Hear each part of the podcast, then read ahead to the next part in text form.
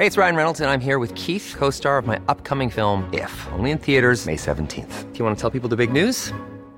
All right, I'll do it. Sign up now and you'll get unlimited for $15 a month in six months of Paramount Plus Essential Plan on us. Mintmobile.com slash switch. Upfront payment of $45 equivalent to $15 per month. Unlimited over 40 gigabytes per month. Face lower speeds. Videos at 480p. Active Mint customers by 531.24 get six months of Paramount Plus Essential Plan. Auto renews after six months. Offer ends May 31st, 2024. Separate Paramount Plus registration required. Terms and conditions apply if rated PG. Wow. Nice. Yeah. What you're hearing are the sounds of people everywhere putting on Bombas socks, underwear, and t-shirts made from absurdly soft materials that feel like plush clouds. Yeah, that plush. And the best part? For every item you purchase, Bombas donates another to someone facing homelessness. Bombas. Big comfort for everyone. Go to bombas.com slash ACAST and use code ACAST for 20% off your first purchase. That's bombas.com slash ACAST. Code ACAST. Life is full of what ifs. Some awesome, like what if AI could fold your laundry? And some, well, less awesome, like what if you have unexpected medical costs? United Healthcare can help get you covered with Health Protector Guard fixed indemnity insurance plans. They supplement your primary plan to help you manage out of pocket costs. No deductibles, no enrollment periods, and especially no more what ifs. Visit uh1.com to find the Health Protector Guard plan for you.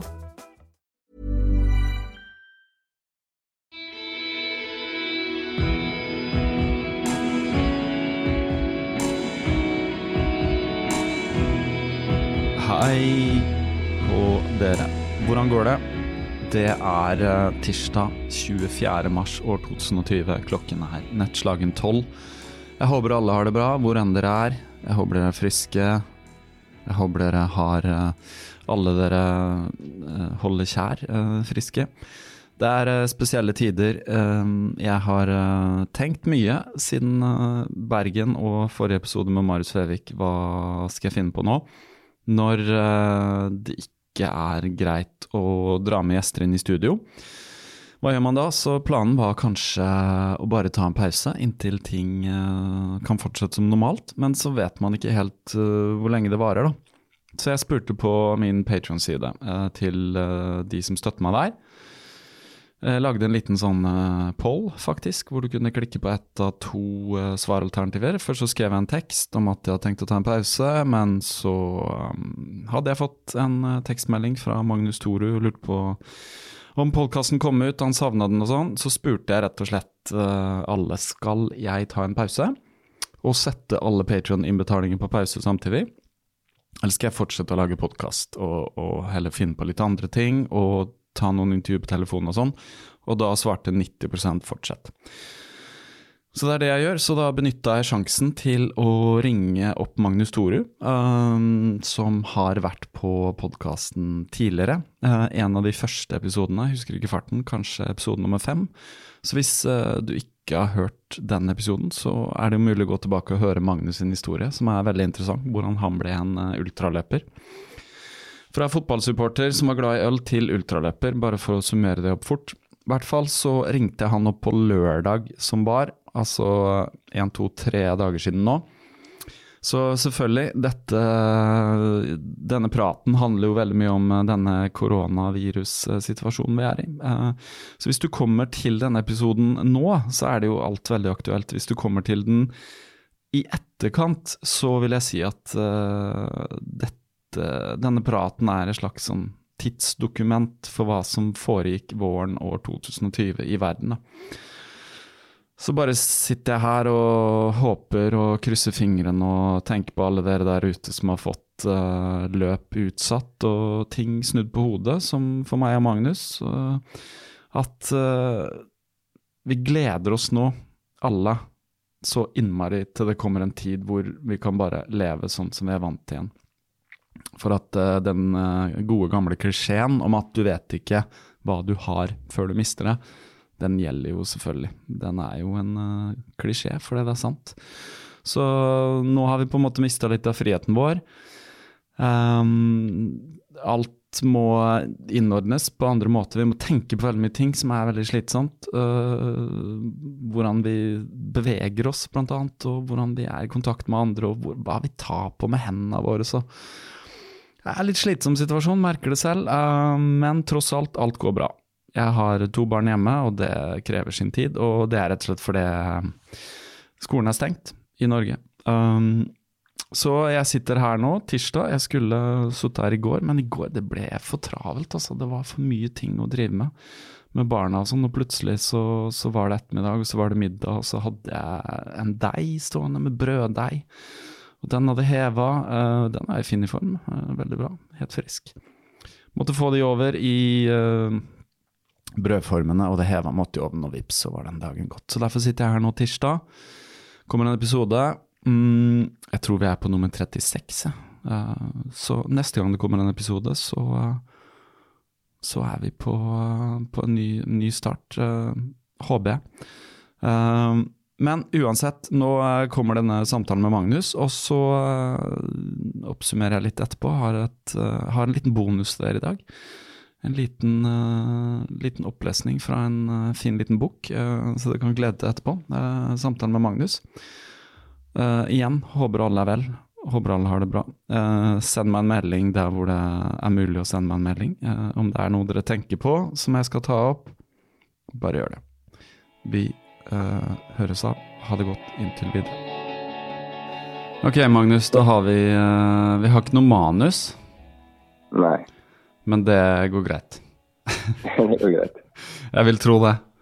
Så hvordan går det?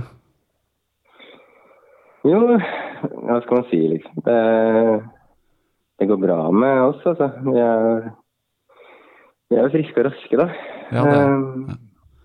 Men uh, vi som mange andre har jo fått tilværelsen uh, snudd på hodet. Ja. Og, ja, og da har det gått så fort også, egentlig. Ja, det har det. Alt sammen. Mm. Veldig fort? Fra liksom ja, det... alt er normalt og det er noe på gang, mens plutselig bare ops. Nå blir det stopp. På, ja. Nå blir alt satt på vent.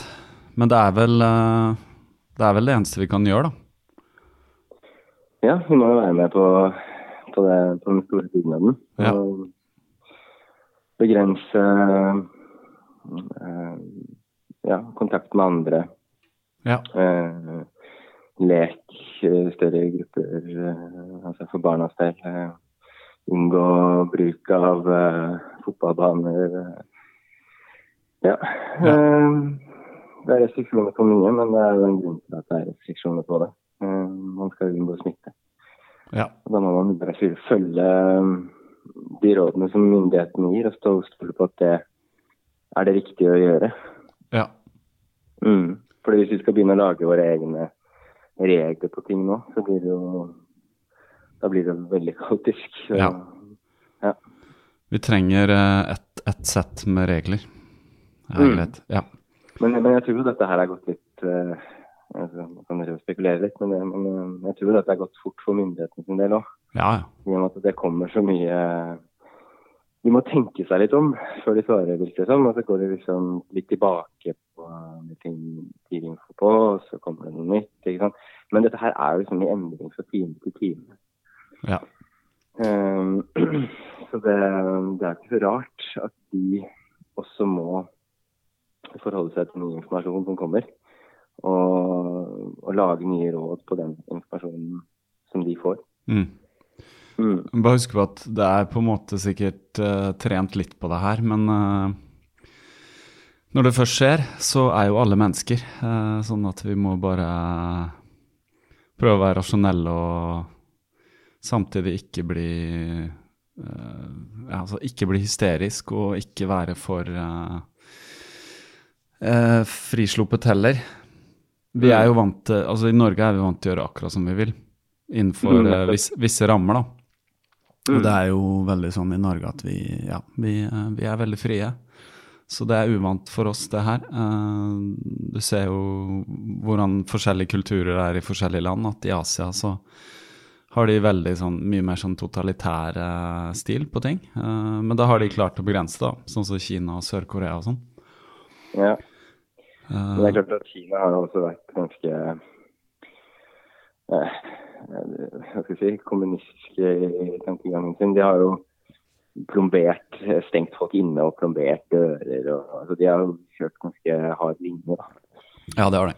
Det har de. De har ikke spart på noe verktøy, liksom. Nei. Nei, så Eh, Men det, har jo- det har jo hatt en effekt, som man ser. Altså, så, men så er det spørsmålet det, da, altså, hvordan skal man Skal de da begynne å åpne samfunnet litt etter litt?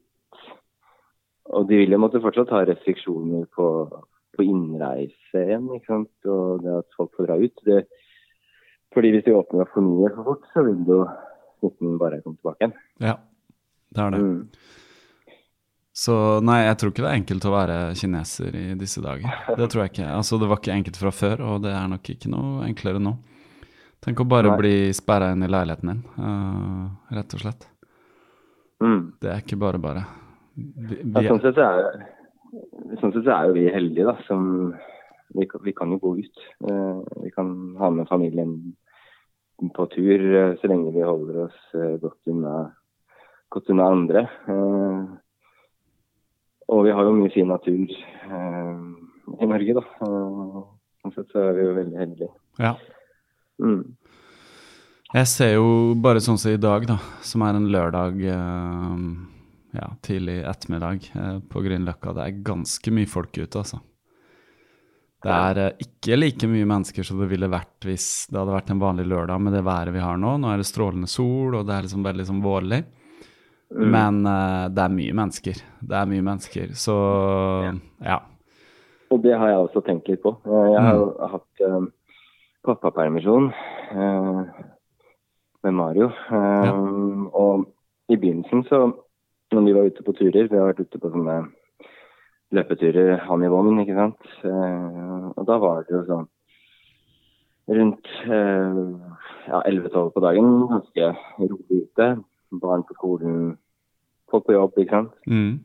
Uh, og selvfølgelig noen ute, ute på tur, men Mario og jeg var ganske lene da.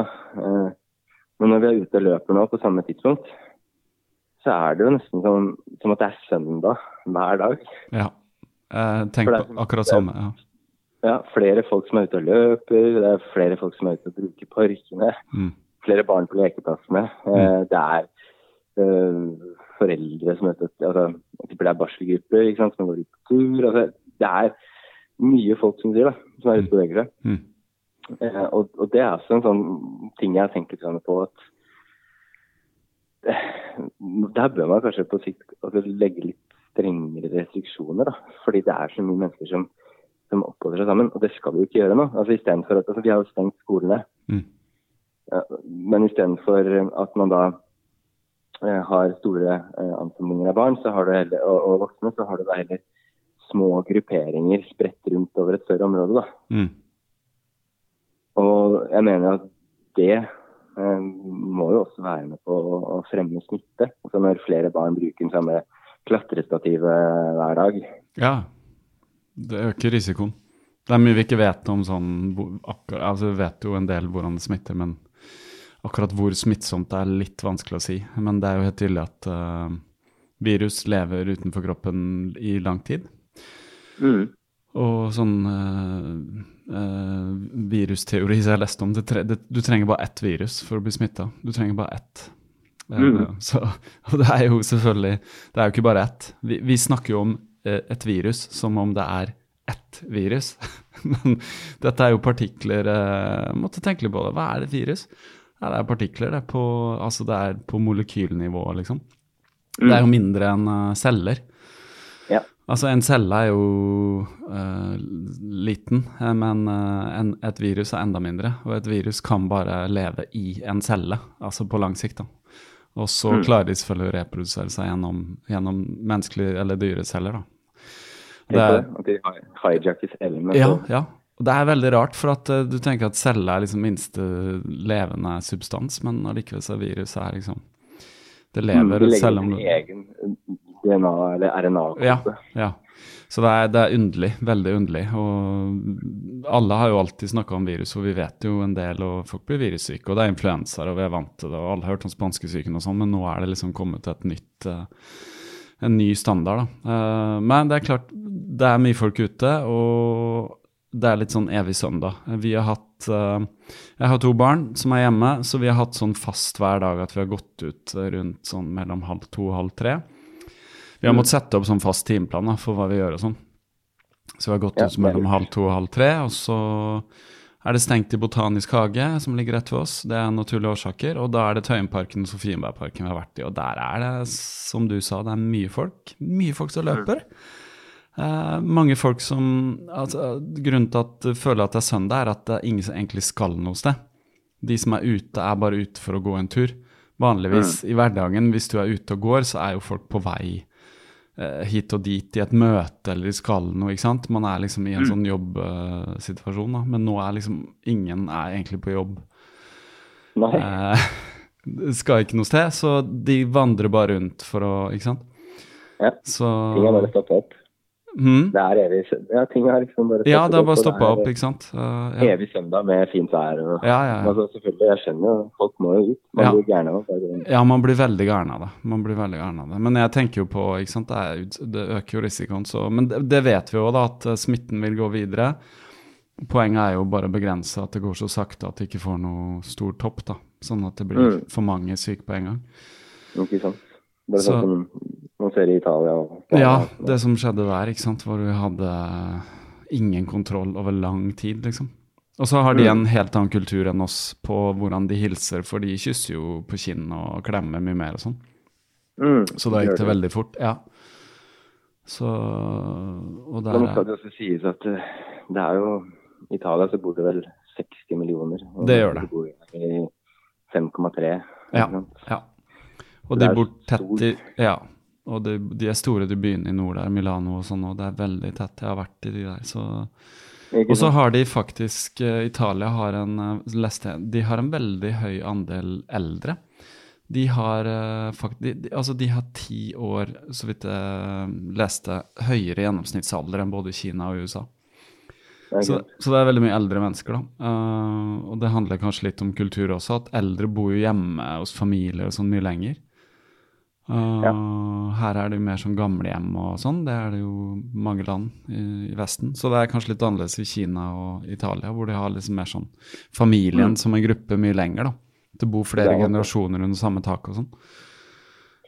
Så, Ja. så det, er, det er jo selvfølgelig eldre som dør, eller de som er syke fra før og sånn, og det er jo gjerne eldre det også, som har liksom kroniske ting. Så ja. Det er klart. Så Men det, det er jo forskjeller. Eh, og så var nok Norge også flinkere på å isolere gamlehjem og sånn Ja. tidligere, da. Mm. Eh, italienerne brukte nok litt tid på så, å se alvoret i dette her. Eh, Ja. De fikk jo noe Jeg tror de, de hadde noen dødsfall før eh, de faktisk begynte å isolere gamlehjemmene sine. ja. Eh, og den smitten sprer seg raskt, og det er det flere mennesker eh, per kvadratmeter. Da. Ja. Så det er klart at smitten sprer seg mye raskere der. Eh, men nei, sant? Det er likevel det er, det er skremmende å se. altså. Det, det er, Det er skremmende. Det er det. Så hvordan uh, får du dagene til å, til å gå nå, da? Med, du er jo i pappaperm, så jeg vet jo du har vært det før, og jeg har vært det før. Så, og det er jo litt sånn rolig tid uansett, hvor man henger veldig mye med sin Ja. uh, yngste, da. altså, Så vi, vi forsøker å legge opp dagene um, likt. Eh, nå har jeg hatt gradert eh, permisjon, um, så jeg er jo litt på jobb også. ja. Og de siste to ukene så har det blitt mer jobb, naturligvis pga. Uh, covid-19. Ja. At jeg er dagleder i barnehagen og sånt, så, så har det vært mer å gjøre, naturlig nok. ja. Men det er klart at vi forsøker å opprettholde en struktur i hverdagen. Så han har jo sine uh, to sovetider Han og skal spise på faste tidspunkt. Og så har vi en tur ut sammen. Jeg pleier å kombinere den med den andre uh, hvilestunden hans. Da rundt klokka ett cirka. Mm. Um, så vi får jo dagene til å gå. Det går fint for vår del. Um, og så har jeg også disse to uh, andre da, som er innom og har hjemmeskole. Uh, nå bor jo de mest hos mor, så da får jeg ikke det så tett på.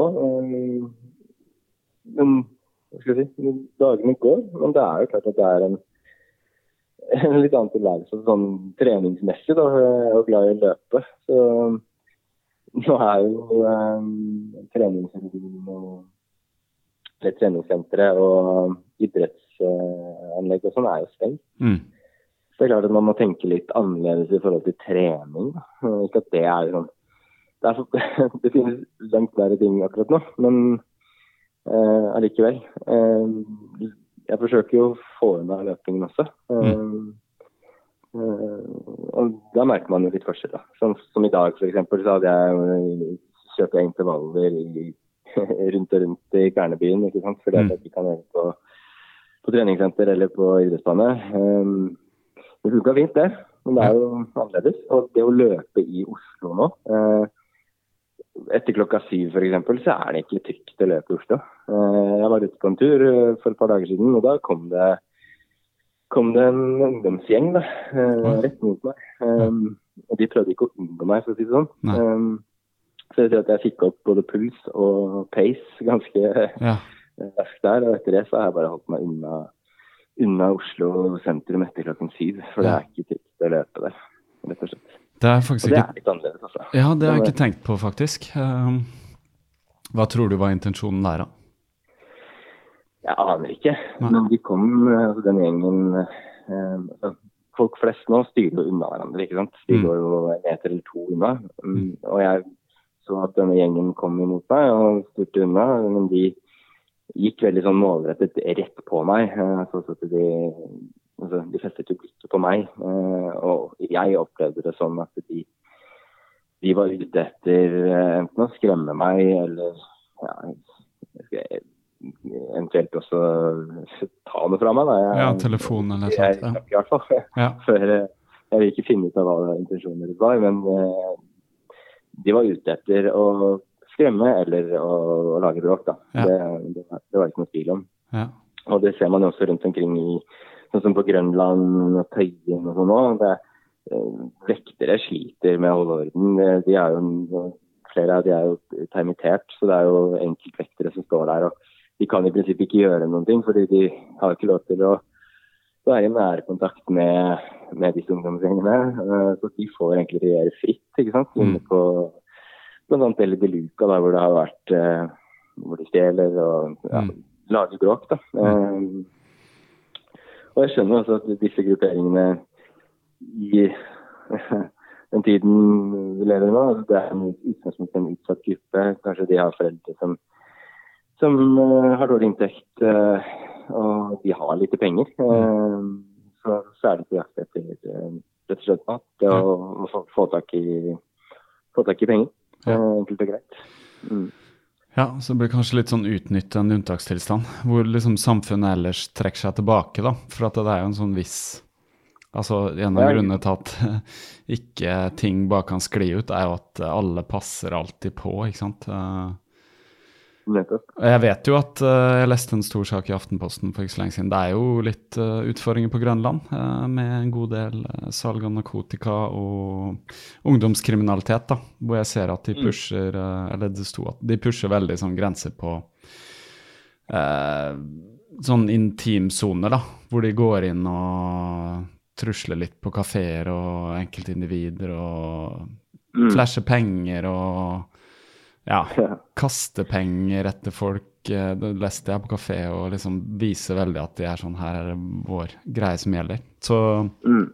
ja, det kan sikkert utvikle seg. Jeg, jeg regner med at politiet er fortsatt uh, ute, men eh, det er jo begrensa med ressurser der òg, selvfølgelig.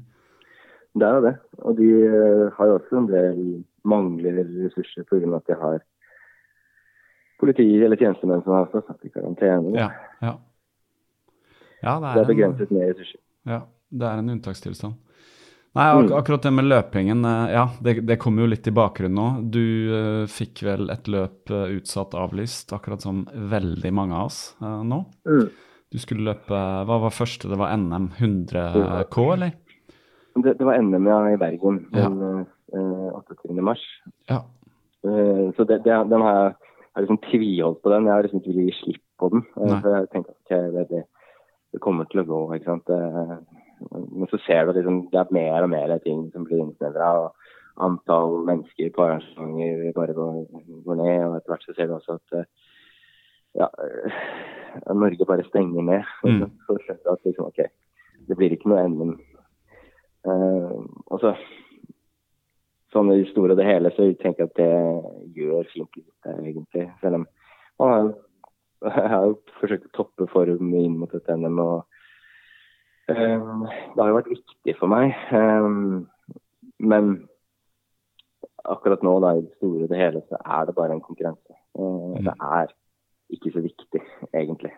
Det er uh, et fryktelig lite problem akkurat nå i forhold til alle de menneskene rundt omkring i Norge og, og, i verden som sliter økonomisk. Da. Altså, folk ja. permitteres jo i mange som har søkt om dagpenger, jeg tror det er 200 000. Altså, arbeidsledigheten har ikke vært eh, så, så, høy siden depresjonen på 19, 1930 i Norge. ikke sant? Mm, ja, det. Så det er altså det at NM blir avlyst, det føler jeg at det liksom det, OK, det er kjipt. Eh, det kommer flere løp. Jeg kan ikke henge meg opp i det. Så får jeg tenke at ok, jeg er heldig som får, får lov å løpe og trene. Ja. kan har den gleden i, i hverdagen nå. Det, og har det som et holdepunkt når alt annet bare raser, så har jeg i hvert fall kilometerne og løpeskoene som jeg bare kan bære være litt i min egen boble. Mm. Mm. Så ja, kjipt med henne, men det kommer flere løp. Ja, Det er ikke sagt noe om når det kommer til å skje, eller? Det er bare avlyst? Jeg har hørt noen rykter om at man skal forsøke å utsette det til høsten. Ja. Eh, men det er veldig mange løp som skal flyttes til høsten. Ja, det, så det, det, mm. det, blir en veldig spennende kabal. Sånn sett, Nå står jeg faktisk på venteliste for, eh, for Spartatlon. Eh, det var jo trekking av det. Mm. Jeg kom ganske høyt opp på ventelisten også, så det er ikke usannsynlig at um, man får en plass. Altså hvis, uh, hvis Spartatlon går i september og det går an å bevege seg ut av Norge og til Hellas. Og jeg får plass der, så blir jo nok det løpet jeg kommer til å prioritere framfor ja. NM og ja. Oslo Maraton og alle disse andre tingene. Det, det er Spartaton som står høyest. Ja. Men uh, jeg tenker at fryktelig mange løp i år er, kommer til å avlyses eller utsettes til 2021. Ja, det vil jeg tro. Det er, ja, mm. nei, som du sier, vi, vi, vi tviholder alle på høsten nå. Så mm. håper vi, men det er jo ingen som vet. Uh, det er bare tiden som kan vise. Uh, jeg fikk jo også avlyst min halvmaraton i Fredrikstad. Det skjønte jeg jo. Um, og så ble sentrumsløpet utsatt til høsten. Mm. Og da forsvant jo de to som jeg skulle holde på med nå. Og så er det liksom håpet på Ecotrail, selv om jeg skal løpe med min datter og det er ti kilometer og sånn, men jeg håper jo at det skjer. Ja. Og så skal jeg egentlig til Stockholm og løpe i midten av juni, og det vet jeg ikke om skjer. Og så skulle jeg vært uh, i dag Jeg skulle vært på vei til Portugal i dag, jeg, med ja. Oslo Maraton og springtime-tur og sånn. Ja, stemmer det. Så uh, det skjer ikke. Uh, og det er sånn, det er helt i orden for meg, men det er, det er sånn Ja, det, det, er trist med Man tenker mest på det med økonomien og at det stopper opp der, og permitteringer og sånn. Jeg er også mm. personlig blitt permittert fra den stillingen jeg har som sånn fagansvarlig for foto i det firmaet. Ja, stemmer det. Ja, ja, hvordan er det, da? Nei, de, eh, de, leverer jo bilder til eiendomsbransjen, så det Det har gått greit fram til nå. Jeg har hatt hjemmekontor en uke og holdt på masse og hatt utrolig mye telefonsamtaler med masse mennesker og sånn. Um, mm. Men det bare Nå stuper det. Uh, I den bransjen her så er jo meglere avhengig av å gå på befaringer for å få uh, oppdrag, og nå stuper de antall befaringer, for det er ingen som vil legge ut noe nå, ikke sant? Nei. Så når det stopper opp, så stopper jo inntektene opp for det firmaet jeg jobber for, og da må de bare ta grep. Ja. Så ja, vi håper at uh, på et eller annet punkt så kommer Jeg snakka med sjefen, en sånn ketsjup-effekt igjen, da alle de som sitter på gjerdet og venter. Uh, og det vil jo skje før eller siden. Jeg bare håper ikke at det blir siden, liksom. Nei, nei. nei. Så, ja. Nei, det, det, er ingen som vet egentlig altså, hvor lang tid dette her vil være, og hvor lenge folk vil være permittert heller. ikke sant? Dette her kan jo ta fryktelig lang tid. Det, mange har jo sammenlignet dette med spanskesyken, og spanskesyken kom jo i tre bølger, ikke sant. Ja. Uh, mellom 1918 og 1922, tror jeg. Ja. Det, to- rundt to år tror jeg jeg har lest sånn. 17, Mm, 18, mm. 19 Ja.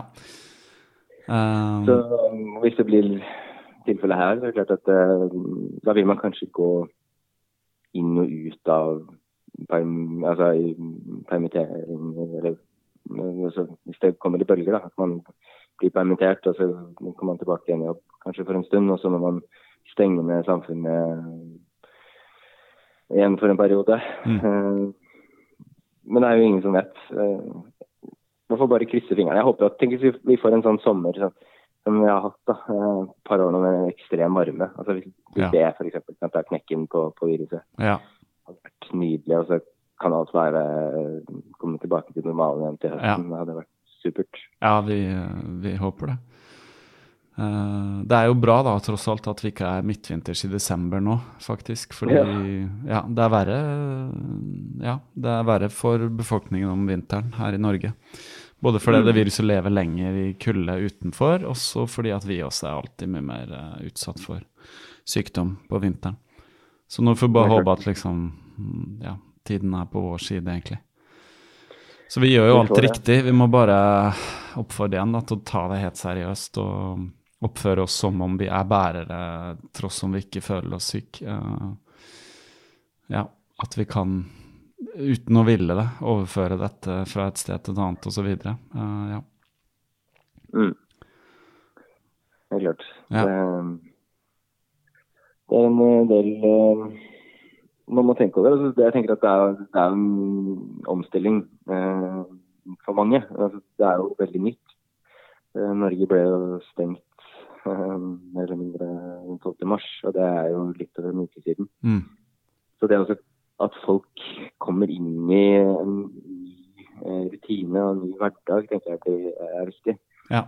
Og at Altså Det er ikke sikkert alle det her, det, dette her har gått opp altså, Folk eh, har ikke blitt Folk har ikke skjønt alvoret i dette her helt ennå.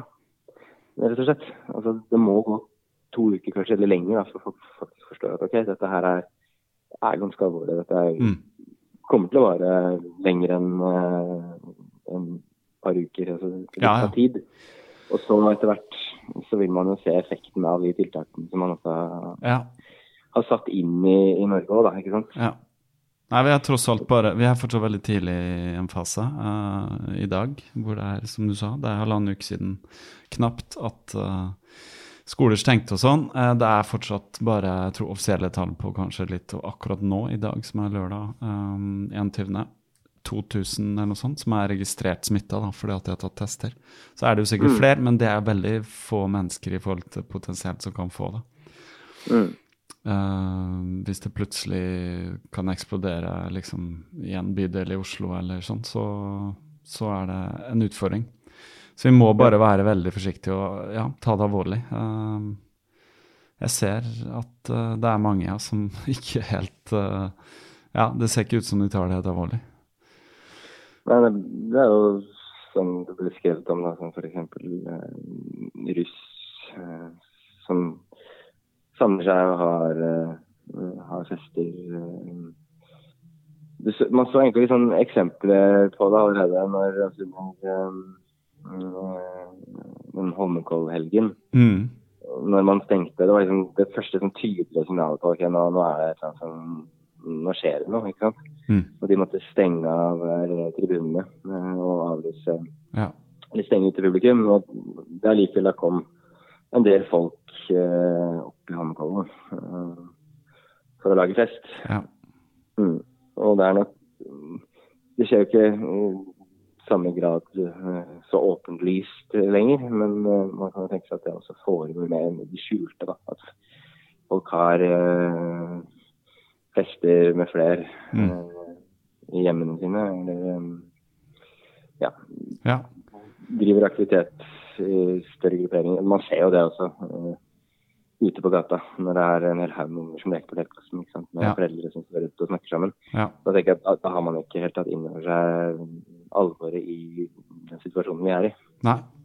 Selv, selv om vi kan forstå det for små barn. Det er veldig, Jeg ser det er krevende for mine barn, eh, egentlig. Altså, Hun yngste syns jo det er ikke så ille, liksom, fordi hun kan være hjemme og slappe av. Men uh, hun savner jo vennene sine, og det gjør jo også hun eldste i særlig grad. Og hun er nok litt mer eh, Hun er eldre, så hun skjønner på en måte mer òg, så for henne er det litt sånn tøft. da, Så det går opp og ned på humøret hennes.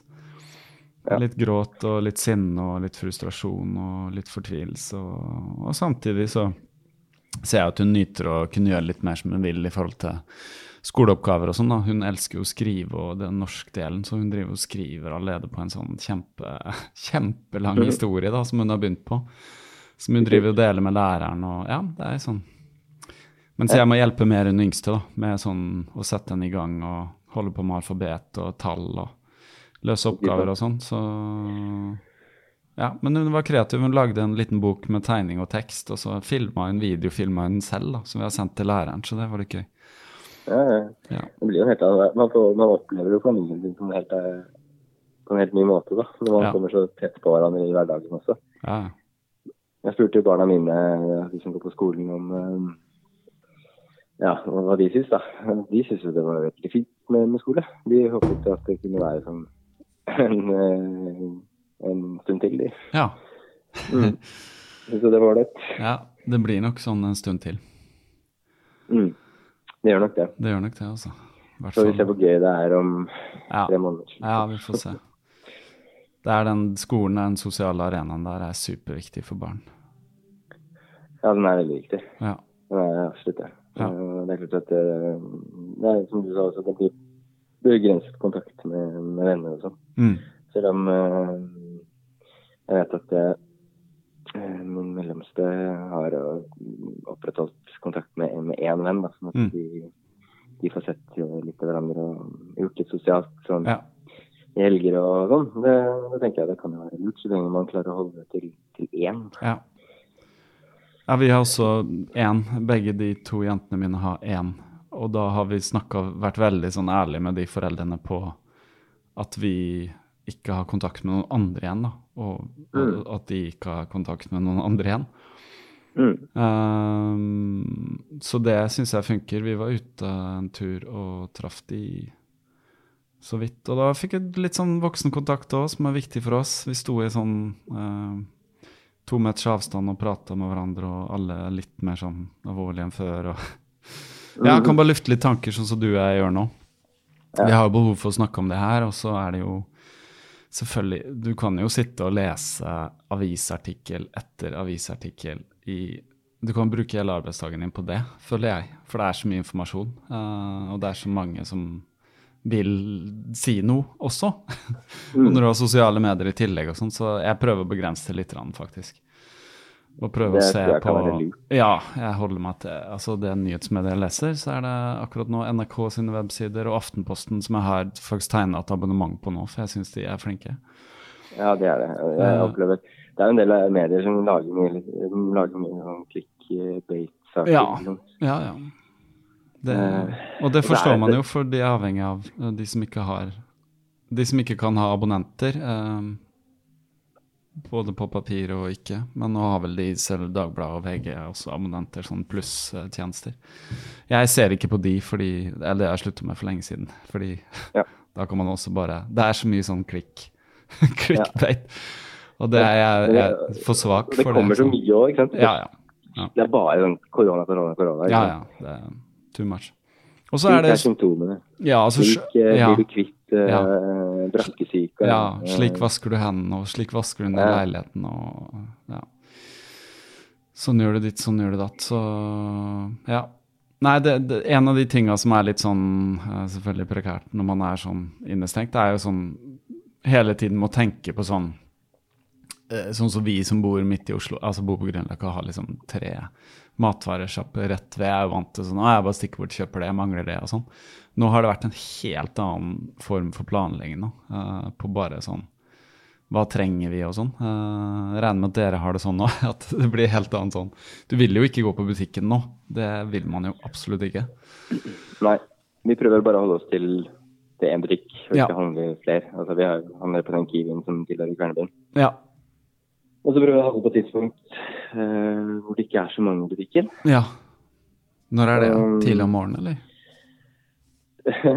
jeg opplever at det er ganske rolig der eh, rundt to, ja da. Ja. Der er hverandre. Ja. Jeg kunne, kunne sikkert handla på morgenen og vært enda roligere. Ja. Men det var jo ganske kaotisk eh, den eh, torsdagen etter at eh, Erna og co. hadde holdt eh, sin tale. Det var det. med barnehager og stenger. Og, og så var det sånn der, Da fikk man så tydelig beskjed at okay, man skal ikke hamstre. man må ikke dra opp, eh, man må holde seg liksom hjemme og sånn. Og så bare ok, alle bare tømmer butikkene for eh, hermetikk og dopapir og Ja. dra på hytta. Ja, ikke sant? ja. Nei, det da, den litt, da ser du litt sånn menneskers eh, litt sånn irrasjonelle frykt, og, det, og da ofte blir man sånn Meg og mine. Nå skal jeg bare sikre meg meg og mine. Det tenker vi alle, og det er litt sånn Det må vi bare være klar over, altså. At eh, Ja, jeg- ja. Ja, det er som du sier, det er jo, det er jo normalt å reagere sånn også. Jeg Ja. skjønner jo jeg tenkte jo så, altså Helt ærlig, jeg tenkte jo sånn selv òg. Jeg, husker jeg sa til Sina at det er, det er sikkert lurt at vi handler inn eh, noen ekstra bokser med lapskaus og, og ja. ting vi trenger, ikke sant. Ja. Hvis ting blir stengt og vi vet det ikke, ikke sant. Nei, nei. Vi hadde faktisk Jeg hadde sett at det kom en stund på forhånd, så vi hadde begynt med sånn kolonialleveringer, vi. Um, Ja, det er smart. Ja, det hadde vi fått. Og så hadde jeg bare Ja, det, det jeg hadde kjøpt inn, var, var som to fem kilos pakke med ris og litt mer sånn uh, ting som det. Uh, ja, litt på boks, men også sånn Det er jeg vant til fra før, da, for jeg spiser jo mye belgfrukter. Så, sånn uh, linser og kikerter og sånne ting. Som er bare å legge i vann og koke opp. Mm. Det er holder det jo superlenge. Ja. Men eh, det er det med ferskvarer. Så nå, sist, nå fikk vi faktisk en leveranse fra Kolonial i går, og da den var liksom bestilt Ja, det var en uke før eller noe sånt. da. Nå er det lang ventetid, kan du si. Ja, ikke sant. Ja.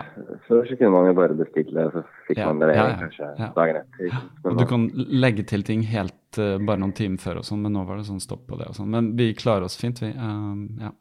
Det er det med Ja. frukt og sånn. Vi planlegger litt lenger med frukt, da. Vi har opprettholdt helt sånn vanlig at vi spiser havregrøt, og så kutter vi frukt på litt sånn. Så nå har det vært litt sånn, nå er så mange epler, vi får ikke leveranse før på fredag. Sånn. Så jeg har faktisk ikke gått i butikken bare for sånne småting. Jeg har ikke det. Nei, men det er bra. Jeg Ja. mener at det har jeg gjort, da. Ja. Det tror jeg veldig mange har gjort. Eh, Det er veldig vanlig. Eh, ja. ja. Søren, Men det, det, er, jo- det. Ja. men det er litt spesielt å gå på butikken om dagen. da. Altså Ja. sånn, Du kommer inn, og så liksom Før så er det sånn OK. Det var folk overalt. ikke sant? Alle handla og gjorde sine innkjøp. Og, Ja. men nå er det sånn at folk liksom ser liksom, en skule litt på deg, ikke sant? og Ja. så holder avstand og går Ja. to meter i en annen retning. ikke sant? Å, eller venter til liksom du har gått forbi. ikke sant? Det er ingen som, som knuffer eller presser. Nei, nei, nei. nei. Så det, men det, det er jo kjempebra at folk eh, forholder seg til eh, de rådene som også blir gitt. ikke sant? Så Mm. det er kjempebra. Ja, det er det. Det er rart for oss mennesker, da. Så, ja. Ja, Men 12. mars så lå folk oppå hverandre oppå på dopapir. Ja, ja, gud. Jeg så det samme. Det var den siste dagen jeg også var i butikken, bare for oss å kjøpe litt sånn salater og ferske grønnsaker-ting, da. mm. Og da var det en fyr, og det- jeg ble litt sånn oppgitt, fordi han bare hadde liksom Han hadde så mye dopapir at det var helt vilt, liksom. Eh, Ja, akkurat som dopapir, liksom. Ja, nei, det, det er et eller annet folk bare har en sånn greie på at uh, Livredd for å gå tom for dopapir, liksom. Det er mulig å få det til på andre måter òg, herregud, liksom. Ja, men Så, akkurat dopapir, og det, det er liksom ikke bare i Norge at Nei, det er nei, dopapir nei, nei. Det er i Ja. alle land. Ja. eh, De melder om det samme nå. England tok jo veldig pent på dette her en god stund, men nå er det jo krisetilstander der også. Og Ja, der det er- melder jo butikken butikkene om at ok, der er jo ting bare reseks for hyllene, og også dopapir. Det, er- Ja. det er de helt tomme for. Ja. Og der er det ikke som i Norge, da, for her får vi jo jevnlige vareleveringer, men Ja. der eh, tar det lengre tid å fylle opp. Ja. Så der er det, hvis du, det er tomt for dopapir, og Og det kommer ikke ja, naboen, har, eh, naboen din har tatt med seg halve pallen. Så. Og selger det på svartebørsen, liksom. Ja, ja. Ja. Ellers må du tenke kreativt, da. Ja, ja. ikke har. Bruke, noe, bruke The Sun eller et eller annet. Ja, ja, ikke sant. I England, ja. Mm. Nei, det Uh, Jeg uh, skal faktisk Jeg skal få meg en liten uh, løpetur, jeg. Jeg sitter her i en løpebukse og skal få meg en liten tur, faktisk. Du, ja. du hadde intervalløkt i dag. Du, du, du holder på intervalløktene? Jeg holder på de. Ja. Jeg syns det er litt viktig. Altså, jeg er glad i å løpe de øktene òg, da. Ja. Hva gjør du da? Hvilke Jeg så du tegna en kilometers uh, sånn runde i Kvernebyen. Ja. Hva mange ganger kjører du den, da? Eh, nei, jeg jeg har laget én sånn kilometersløpe. Ja. Uh, og de- den kilometersløpa bruker jeg Jeg kan godt bruke den til intervaller. Eller så kan jeg bruke den bare for å løpe runder sånn på kvelden. Og sanke kilometer. Ja. Jeg er jo litt sånn hamster, da, så jeg syns det er ja, er, greit. ja, du er god på det. Jeg, ja. Ja. jeg er imponert. Du er en fyr som klarer å løpe rundt og rundt. Ja, så, men, men i dag så løper jeg ti, ti sånne, da. Ja. Eh, i, I god fart. Ja. Og det gikk fint. Overraskende. Jeg var litt sånn skeptisk i dag. Det, det var liksom, ikke sant? Jeg er vant til å bare pakke sekken, ta med det jeg trenger, stikke bort på mølla på fitness room. Ja. Eh. Rett ned i gata, og så bare kjøre på. Gjøre, gjøre intervallene inne i fin temperatur og i shorts og T-skjorte. Mm. Mens i dag så er det sånn ah, Det er litt kaldt. To grader ute. Må ha på meg lø... Altså ikke løpe i shorts. Mm. eh, ha på langarmet. eh. jeg opplevde det som litt mer sånn tiltak i dag, da, fordi jeg ikke har gjort det før. Men Mm. eh, når jeg først kom i gang, så, var det, så gikk det jo gikk det jo overraskende bra. Og det var eh, Ja, eh, det funka. Ja. Mm. Så da har jeg i hvert fall det som en mulighet. Hvis ikke så må man eventuelt uh, kjøpe en tredemølle eller noe sånt. Da- ja. Det er nok ikke like populært for, for fruen. Nei, det er det. Du måtte jo Jeg vet at du solgte den du hadde, ikke sant? Ja. Ja. Men jeg har, jeg har vært inne på tanken, så jeg jeg ærlig innrømme det. Ja. ja, du som løper så mye. Hva har du ligget på i uka nå siste måneden, cirka? Cirka? Um, altså Inntil det, Jeg hadde jo 150 km-uker sånn i snitt fram til NM ikke Altså, jeg visste at NM ikke ble noe av. Mm. Og så i forrige uke da, så gikk det ned 50 km, så da lå jeg på en 100. Mm. Uh, da var det så mye annet å gjøre så jeg måtte rett og slett nedprioritere løpingen. Ja. Uh, denne uken her så har det vært litt tilbake på normalen, så så langt så ligger jeg på eh, rett i underkant av 120 km. Ja. Så tenker jeg altså en eh, tre mil i, morgen. da. Mm. Eh, så er det litt logistikk og sånn i forhold til det. da. Se hva, man får bare se hva man får til. Ja. Men det er, ikke, det er litt rart, for det er, jeg har ikke noe sånn konkret å trene mot. Så det øh, Ja. Det er litt mer sånn limbo-følelse Ja, øh, rundt det. det blir det. Jeg kjenner Jeg på det òg. Jeg jeg er veldig i limbo nå, men jeg har bare akseptert Altså, dette sammenfalt med at det løpet ble avlyst og denne isolasjonstiden ja, sammenfalt med at jeg kom fra Bergen og dratt meg en litt sånn ryggskade, da. Rett og slett tror jeg fordi eh, det ble så gjerne mye løping i Bergen, og så ble det mye parkrun opp og ned, og jeg er merker at jeg har ikke løpt så mye i fart nedover. Nei. Så jeg hadde en sånn voldsom der på parkrun, opp og ned. Uh, og så løp jeg og Stig en langtur på søndag når vi var på hytta der, og da hadde jeg en sånn avslutt raskt-greie. Mhm. Hvor det også var noen sånne nedoverbakker som var helt uh, sinnssyke. Jeg tror bare rett og slett Jeg har aldri hatt en sånn ryggvondt før. Da. Det var sånn langt nede på høyre side ryggen, så- sånn at jeg nesten kjente det ned der hvor Akkurat som lårbeinet møter noe annet som jeg ikke helt uh, vet hva er. Så det var veldig sånn skikkelig vondt. Og så ble det noen Det var vondt å gå, jeg gikk helt sånn haltete. Og så prøvde jeg allikevel å løpe en tur, da.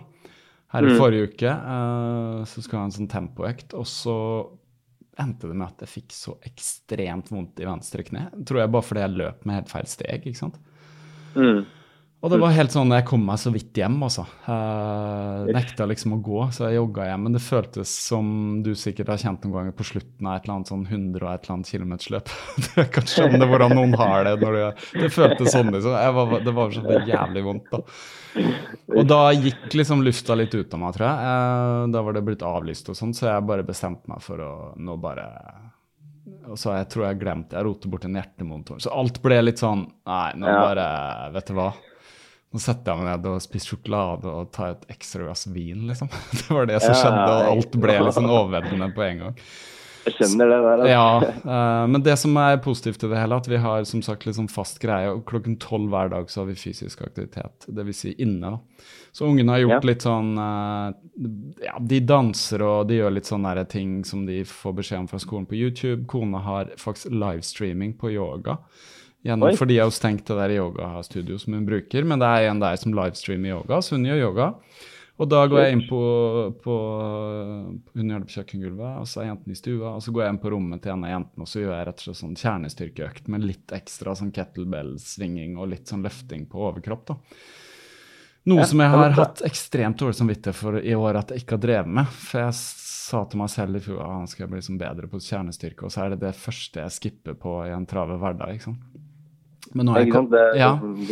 så nå har jeg kommet inn i det, og det kjennes jo ekstremt bra. da. Eh, veldig tungt i begynnelsen med sånn planketing og sånn, men eh, nå bare etter tre-fire ganger så kjenner jeg liksom, ja, kjenner det til med, på, med pushups på overkroppen. Og. Så det må jeg bare vedlikeholde. da, så får jeg bare løpe litt på følelsen nå. Eh, jeg jogga fram og tilbake til studio her i sted, så kjente jeg det fortsatt i ryggen. Jeg løp en liten tur, ikke går, men dagen før. Og så jeg kjenner det, men nå er det ikke noe sånn det er ikke like ille? Nei, det, det, det kommer til å gå over. Det er ikke noe alvorlig, liksom. Det er bare et eller annet som er litt sånn forkjært, liksom. Ja. Så Jeg skjønner det der. Altså. Ja. Men uh, kommer i gang igjen. Ja, det er veldig bra, Magnus. Ja. Det er lurt å, holde på de gode rutinene. Ja, og så kan man er jo en sånn, ja. er en sånn viktig del av altså, nå kan jeg bare snakke for løpere sin del, da. Men ja. det er jo sånn lite holdepunkt i tilværelsen som er ganske viktig. Ja. Det er det, særlig nå. Mm. Samtidig så kan man akseptere da, at det kan OK, nå kommer det en, en to uker her hvor ting sklir litt ut, og det er gjort for min del, og det er ikke krise i, i, liksom for På lang sikt så er det ikke krise. Nå er det ikke noe jeg kommer ikke til å erstatte det halvmaratonløpet neste søndag med noe sånn at jeg skal prøve meg på noe eller noe sånt. Uh, men det er jo mange som har behov for det. Løpe sånne virtuelle løp, eller bare løpe et segment på full guffe og sånn. og det er jo uh, Jeg vet ikke om du har hørt, du har hørt på podkasten. Jeg, har jo lagd et uh, virtuelt løp, så det er jo bare muligheten nå da, til å løpe Kaptaremesterskapet 2020. Så starte rett under broa som jeg ser ja. nedpå her. Så det var en kar som jeg kjenner litt, som heter Kai Erik Espedal, som løp det her om dagen og tok best notering. da Ok, Hvor fort løp han? Han løp på 42 og noe, tenker jeg. Det er 10 km. Det er 9,96 eller noe sånt, men det er 10, da. Så det er bra, det. For dette er en tøff Du kan tenke deg at du løper fra eh, Eventyrbroa, som jeg kaller den. da. Den broa som mm. går til Markveien nederst på Løkka her. Rett unnifra den så løper du opp til Voldsløkka og rundt og ned. Så det er jo mye oppover til å begynne med. Noen veldig harde bakker og sånn. Så jeg har løpt den bare sånn ti, altså sånn tempoøkt, da. Mm. Og da har jeg vel løpt på sånn 47 minutter, og det er tøft nok, det, altså. Steike. Ja, det er bra. Ja, det er bra. Så du får, du får, ta en titt på den. Jeg har lagd en video, jeg kan jeg legger en link i hele denne episoden til den nå. Så det er mulig, for at det var en del som løftet den. Det var blant annet en jeg kjenner uh, litt uh, fra før, som, som løp den, da, og så bomma han selvfølgelig på det segmentet, da. Så han løp jo også på 2-43 minutter, men han fikk det ikke registrert, dessverre. Ja. så, ja, sånn kanskje. Um, men jeg har lagd en video. Jeg har filma hele, så det er bare å titte på den. Den går på seks minutter i fortfilm, så ja. Kanskje man skulle prøve seg der? Ja, ja. Det, vet du hva, det er faktisk en jævlig gøy Det er en ganske gøy uh, Den går langs med elva hele veien, så du, du er bare på, på fort, eh, ikke fortauet, på stien, sykkelstien, da, kan du si.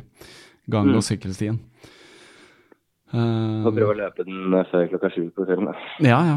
Ja, prøve å løpe den før det er mye folk, for det Jeg skal ta en tur Jeg lurer på om jeg skal løpe den nå, bare se hvor mye mennesker som er rundt, liksom. Mm. Ja. Du ser jo folk trener jo, det ser du jo. Herregud. Det, Ja. ja da. Det, det, er, det er flere løpere ute i gatene nå enn det vanligvis er. Det er det.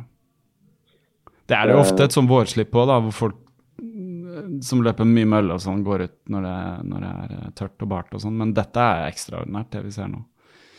Det er det. Det er det, altså.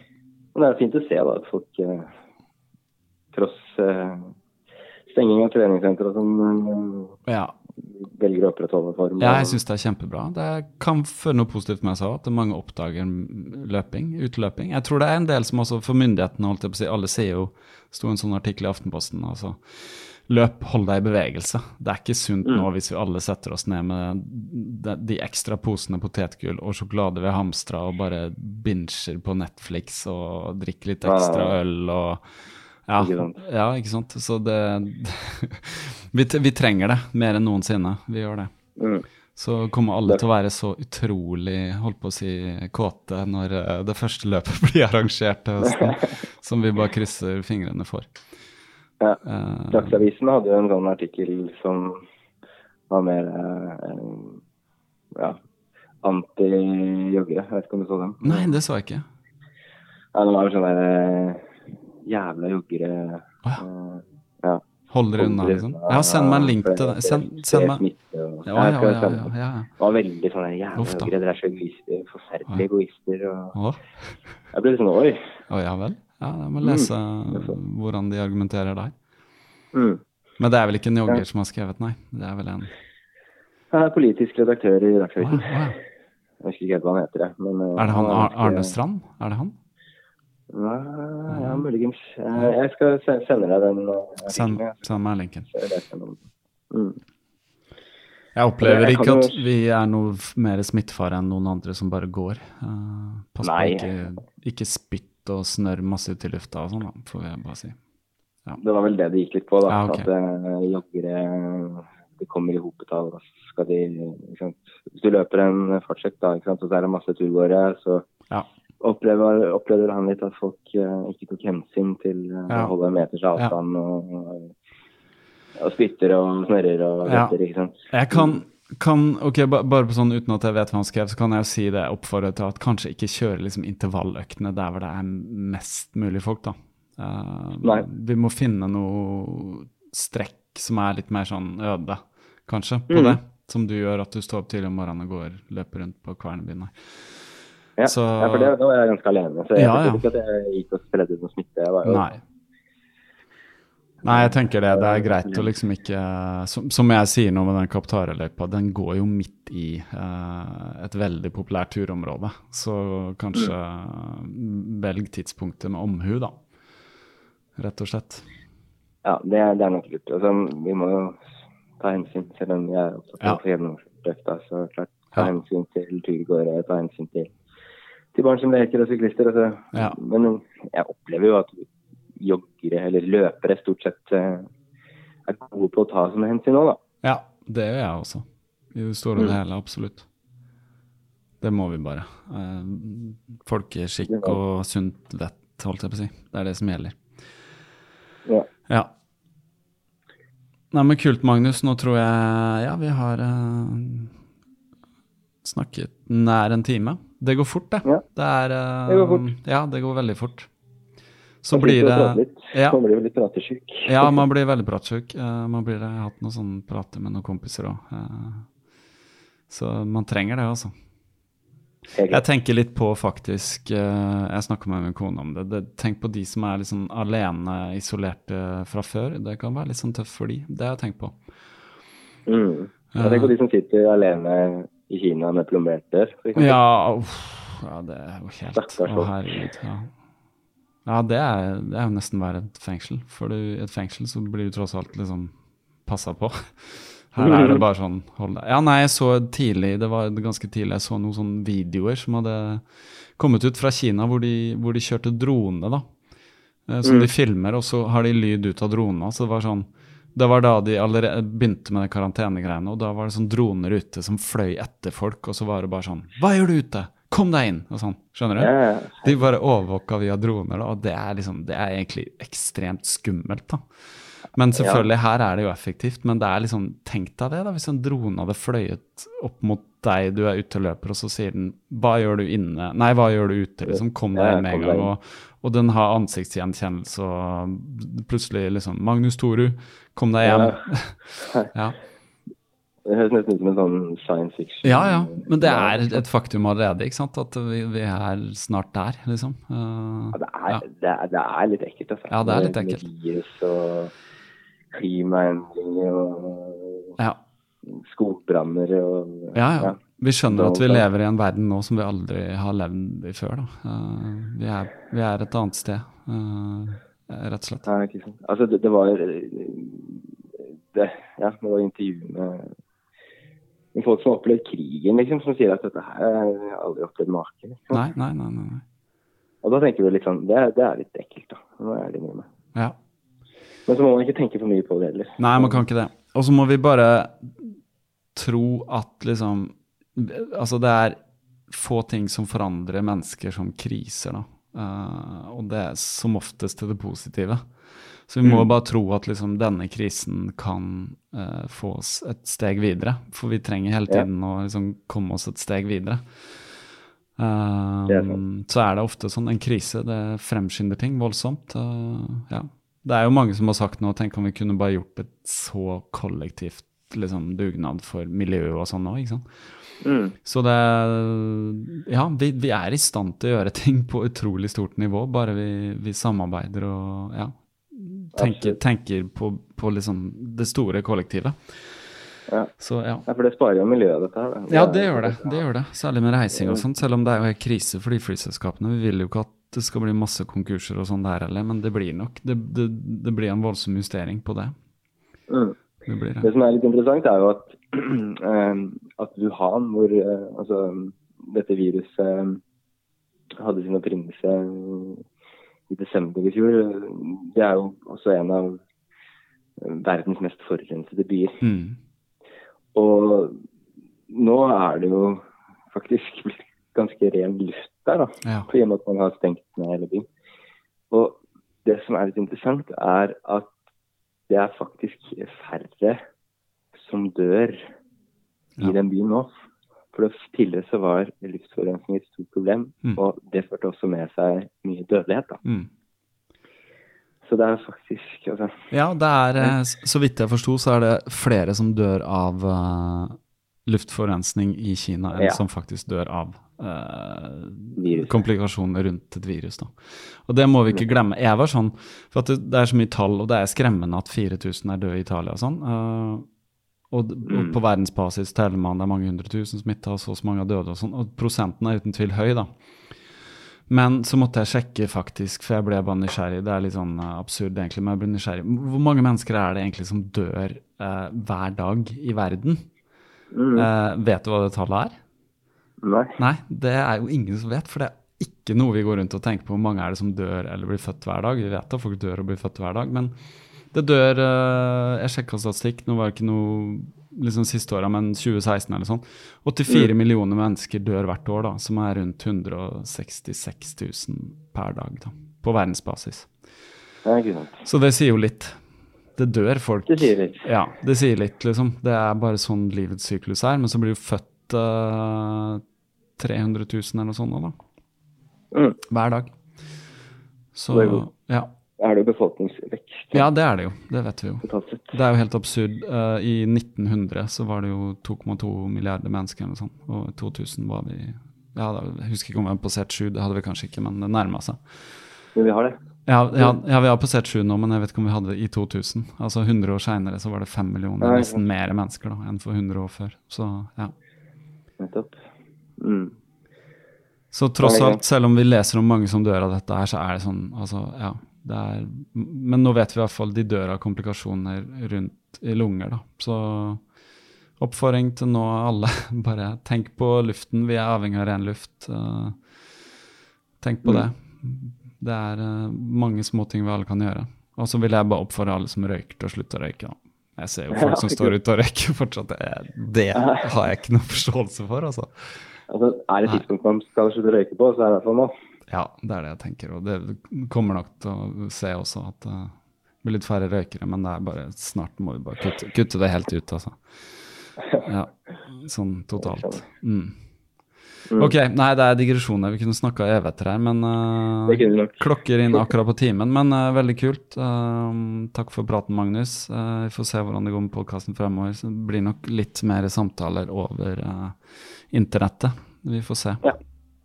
Det, sant. Det blir det. Sånn er det. Men jeg gleder meg innmari til det kommer i gang. Jeg kan sitte her med noen andre. Så Ja, vi, ja, det, det Ja, skjønner jeg. ja. Og savner podkasten. Det er jo en sånn, det et sånn lyspunkt i en travel hverdag når det kommer en ny episode med, med Kaptare. Ja, det er hyggelig å høre. Det er, det er flere. Jeg spurte jo på Patron litt sånn om folk vil ha episoder, og det ville de. Og det var flere som skrev det, så jeg er veldig takknemlig for det. Så da er muligheten til å improvisere litt, da. Eh, sånn er det. Du er jo kreativ, du, så du finner jo Jeg prøver. ja. Ja. Nei, det må huske på det. Vi, vi trenger se, angående kreativitet, vi trenger også kreativiteten, og vi trenger kultur. Så vi mye savner det. Men når vi ikke kan gå på konserter og sånn, så blir vi jo helt sånn ah. Så det har vært eh, mye streaming av konserter, og folk går på virtuelle gallerier og Ja, Ja. Det, det er mange muligheter. Jeg så Sondre Lerche hadde jo konsert um, for noen dager siden. Han hadde det. Mm. Han, Det han sitter jo i uh, samme bygård som meg, uh, i oppgangen ved siden av. I, Ja. Akkurat nå i uh, Jeg teksta med han i sted, faktisk. Han, han er jo Han kommer jo fra LA, så han har karantene bare for å ha vært ute og reist, rett og slett. Så Mm. det kommer nok I denne episoden, nå skal jeg jo lage litt mer rundt, men det kommer nok en liten Han skulle lese en liten snutt fra boka han ga ut, så det kommer en liten sånn nå. Så det blir litt mer eh, Kaptare radioprogram, det her, tror jeg. Denne episoden. Ja, Jeg Kaptare radio. Det, ja, ja litt sånn. Ja. Ja, men det, det er fint, det også. Det er fint, det. Kan tenke litt annerledes. Men eh, ha en god dag videre, så eh, snakkes vi eh, eh, ved en senere anledning. Yes, men hvis du gjør det, så får du også ha en god dag videre, og så en uh, kose deg løpetur. Takk for det. Da prates vi litt. Det gjør vi. Ha det godt. Ha det. Ja, da har vi fått litt eh, innsikt i eh, slags hverdag i disse tider. Jeg har eh, et par ting. Magnus nevnte jo en, en sånn Dagsavisen-kommentar. Den var ganske grinete, da. Det var den. Selv om han hadde et poeng. Eh, jeg eh, ble litt sånn svar skyldig, da. Jeg satt jo her og fabla på lørdag at jeg skulle løpe opp eh, langs Akselva ta meg en runde i Kaptare-segmentet, men altså, glem det. Det var tjåka. Herfra jeg sitter i studio, så kan jeg se rett ned på Akerselva. Det var tjåka med mennesker der, så det var helt uaktuelt å løpe der. Mm, jeg tok meg heller bare en tur ja, langs eh, gaten oppover, men uh, det var veldig mye folk på lørdag, og jeg skjønner det. Det var fint vær. Det var uh, bare folk hadde vært inne hele uka, bare holdt seg, holdt seg, holdt seg. Til slutt så blir du gæren og må ut, ikke sant. Men når vi er ute nå, så må vi bare tenke at vi trenger jo ikke gå akkurat der hvor vi går ellers. Men vi er jo litt sånn skrudd at vi tenker veldig mye likt, da. Alle drar til Sognsvann. Alle drar til Maridalen. Ja, så vi får bare prøve å tenke litt kreativt, og så bare håpe igjen at det her eh, ikke varer så lenge, og at vi klarer å holde litt avstand til hverandre. Uh, jeg har fått uh, Jeg snakka med Sondre Lerche, som uh, faktisk bor rett ved siden av meg, som sitter i hjemmekarantene etter å ha kommet fra LA. Jeg spurte om han kunne lese et lite utdrag fra sin bok som heter eh, 'Alle sanger eh, handler om deg'. Jeg håper jeg ikke tar feil. når eh, jeg leser den tittelen nå. Eh, Jeg leser den ikke, jeg tar den rett fra hodet. Uansett, jeg skal linke til den i podkastnotatene. Den kommer eh, som lydbok. Eh, ikke før i mai på Storytel, men dere får eh, et lite eksklusivt eh, utdrag fra den. eh, lest kun for dere. Og så skal dere også få, i dag, faktisk om noen timer nå, så har Sondre premiere på en ny musikkvideo. Legger link til den på YouTube. Uh, Sondre kommer jo med en ny uh, plate. Uh, Patience. Den er veldig fin. Den har jeg fått høre på ganske lenge. Jeg har fått en litt sånn eksklusiv link til Soundcloud. Den er faktisk veldig, veldig fin. Gleder dere til den. Nå får jo Sondre utsatt litt eh, konserter og sånn, men uh, antageligvis kommer plata. Jeg vet han kommer til å slippe litt og litt fra den. Og så har jeg tenkt mye på at uh, kanskje innføre en liten fast uh, greie i podkasten på slutten, som jeg også skal linke til i podkastnotatene, så ta en titt på de. bøker eller filmer eller et eller annet som er verdt å få med seg. Og det er en bok som jeg har hørt på lydbok over ganske mange løp løpturer nå, som heter Why We Sleep. Jeg tror det var Stine Hartmann, eh, Stine Hartmann som var på podkasten, som uh, eh, tipsa meg om den boka. Why We Sleep, Unlocking the Power of Sleep and Dreams. Den er helt fantastisk, for den har all, all vitenskap på hvorfor vi sover, og hva som skjer, og hva som ikke skjer, og sånne ting. Og det er faktisk nyttig kunnskap. Jeg er um, både litt ydmyk og skremt, egentlig, fordi uh, søvn er så viktig for helse og mental tilstand at uh, vi må ta det faktisk veldig seriøst. Og vi har noen utfordringer i vår uh, moderne verden med veldig mye skjermer og lys og forstyrrelser og sånne ting. Uh, så jeg vil tro at ved å lese den boken, eller høre den som en lydbok, så kan man lære utrolig mye og ta det litt mer seriøst med søvn. Eh, det var vel Stine som uh, nevnt som tipset meg om den, og jeg ser jo at Stine legger seg klokken ti hver dag. Og det høres jo litt tidlig ut, men egentlig er det ikke det, vet du. Det er ikke egentlig tidlig å legge seg klokka ti. Kroppen er egentlig skrudd til å legge seg tidlig uh, ved solnedgang, og så stå opp tidlig ved soloppgang. Nå har vi det jo litt sært i Norge, da, men uh, jeg også merker det. Hvis jeg legger meg for seint, så er det en helt annen kvalitet på søvn enn hvis jeg legger meg tidlig. Så i forhold til sånn uh, performance, uh, som det heter, hva, hva vi kan uh, klare som løpere, så tror jeg søvn er noe som er sterkt undervurdert. Jeg merker det selv. Jeg har løpt utrolig mye intervaller og treninger og sånn, og egentlig har vært for sliten fordi jeg sov for dårlig. Noen ganger kan jeg skylde på barn. Jeg har jo hatt liksom ti år da, med små barn hvor ikke noe var på greip. Uh, nå er det bedre, men uh, jeg må si at jeg stikker mye kjepper i hjula for meg selv, altså.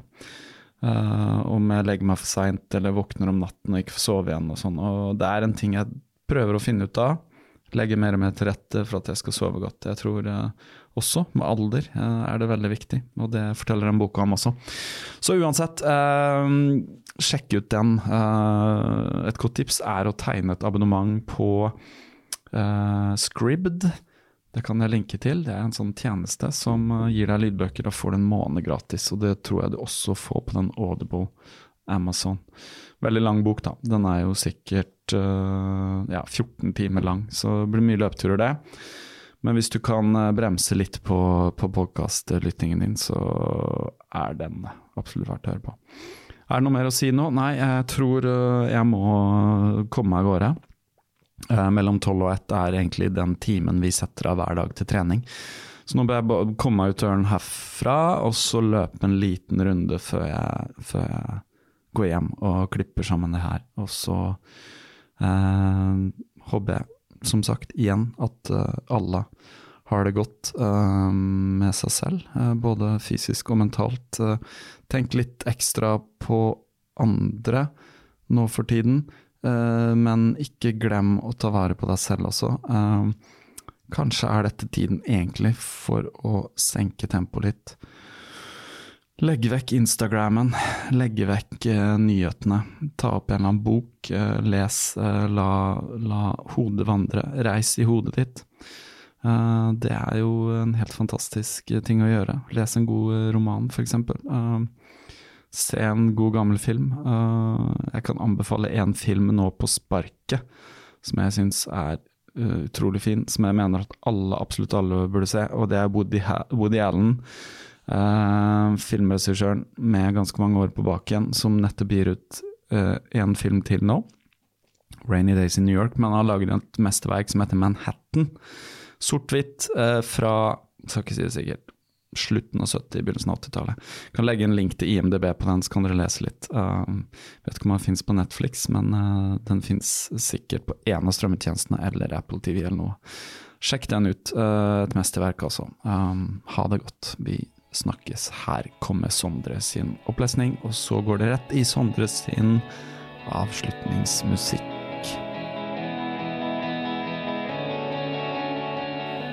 Hei, kjære Kaptare-lytter.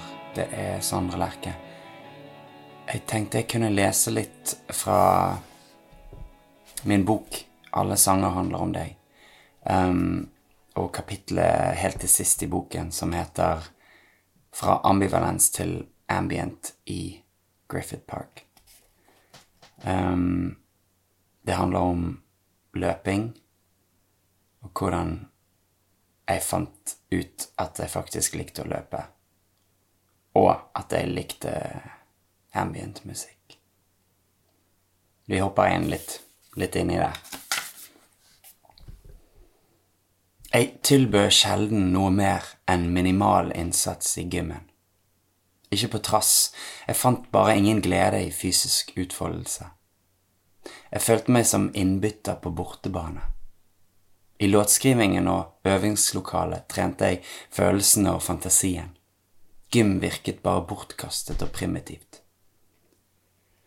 Idrettsfolk virket så dølle og fargeløse, som om all personlighet ble visket ut i kampen om å hoppe høyest, løpe lengst og holde ut dette monotone livet der bare én kunne vinne. De virket så uinteresserte i alt annet. Først nå ser jeg den åpenbare ironien i alt dette. Jeg levde og oppførte meg kanskje aller mest som en asketisk toppidrettsutøver i store deler av ungdommen. Jeg drev bare ikke med sport, og aller minst løping. I 2015 var et nytt kapittel av livet over, oppsummert og ventilert med albumet Please året før.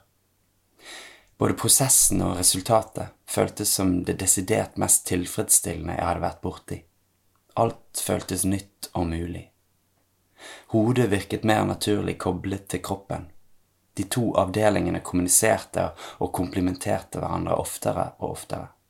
Og det var selvsagt musikken som måtte til for virkelig å sette meg i bevegelse.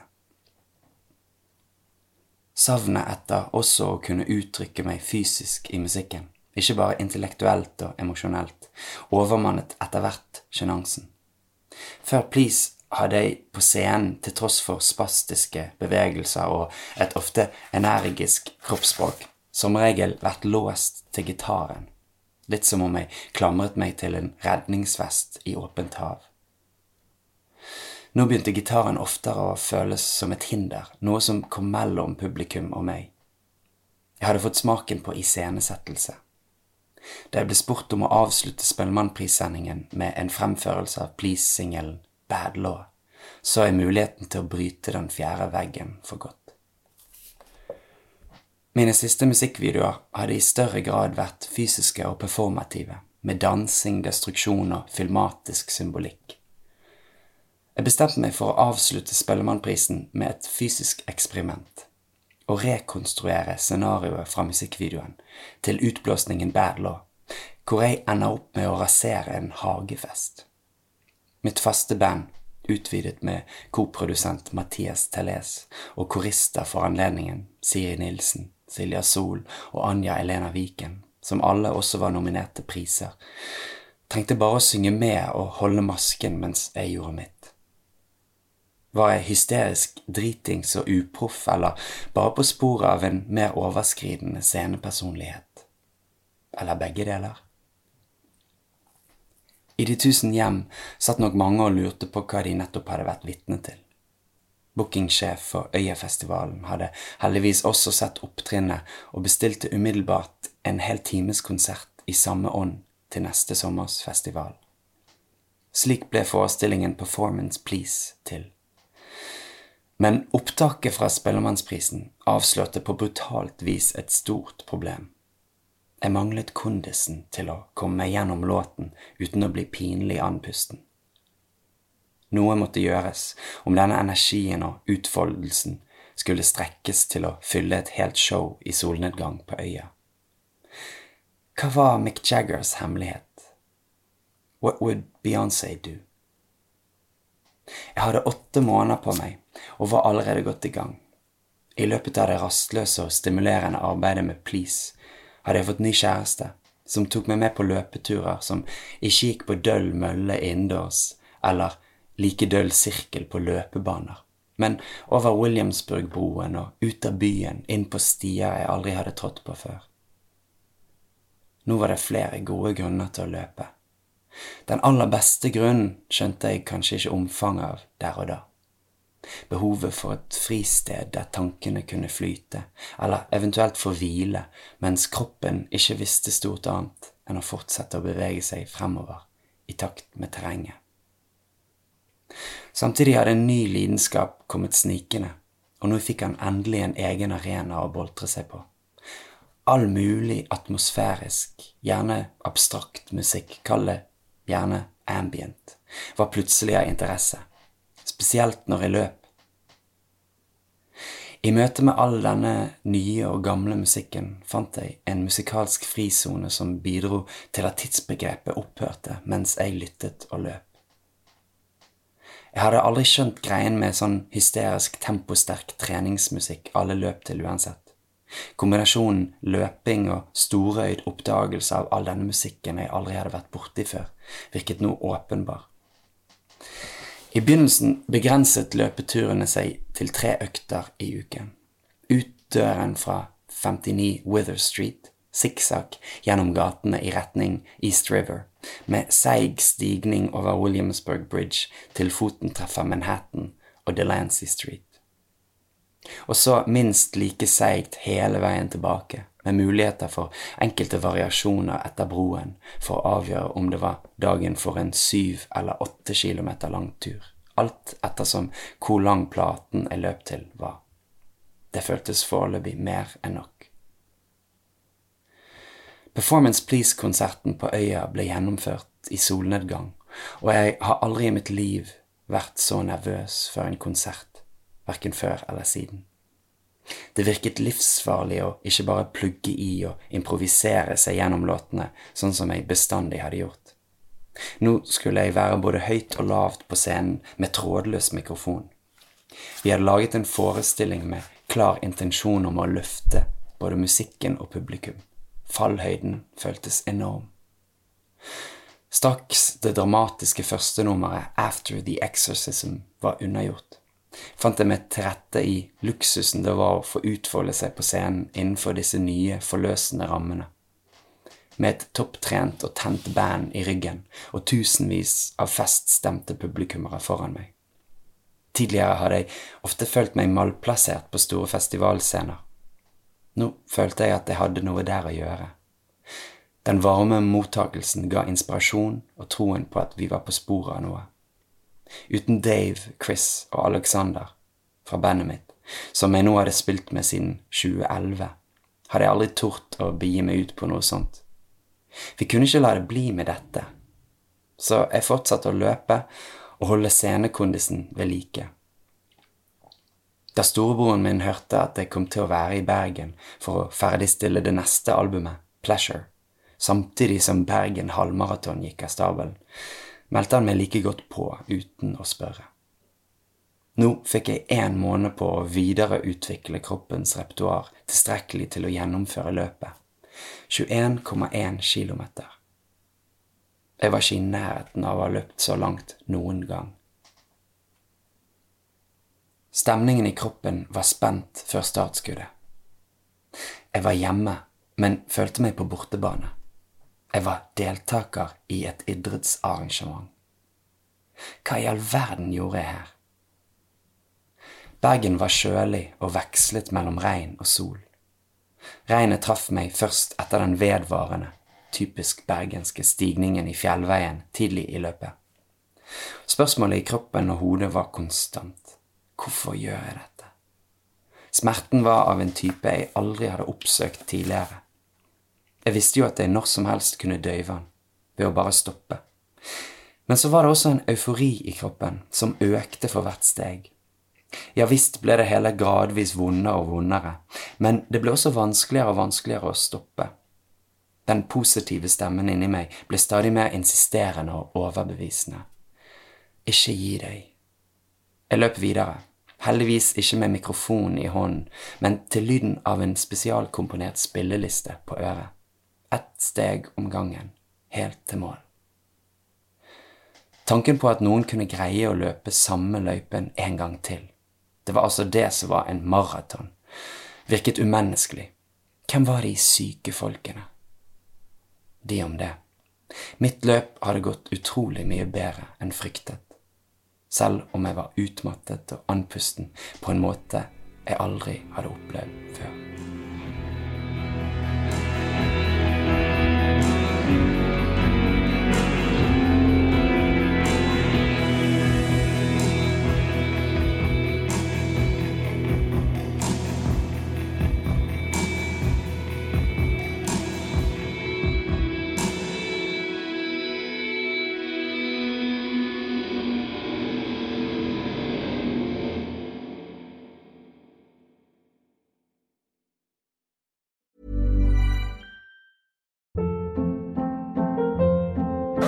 Hold up. What was that? Boring. No flavor. That was as bad as those leftovers you ate all week. Kiki Palmer here, and it's time to say hello to something fresh and guilt-free. Hello Fresh. Jazz up dinner with pecan-crusted chicken or garlic butter shrimp scampi. Now that's music to my mouth. Hello Fresh. Let's get this dinner party started. Discover all the delicious possibilities at hellofresh.com.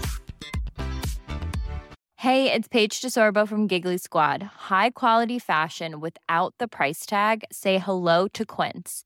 I'm snagging high-end essentials like cozy cashmere sweaters, sleek leather jackets, fine jewelry, and so much more. With Quince being 50 to 80% less than similar brands. And they partner with factories that prioritize safe, ethical, and responsible manufacturing. I love that. Luxury quality within reach. Go to quince.com slash style to get free shipping and 365 day returns on your next order. Quince.com slash style.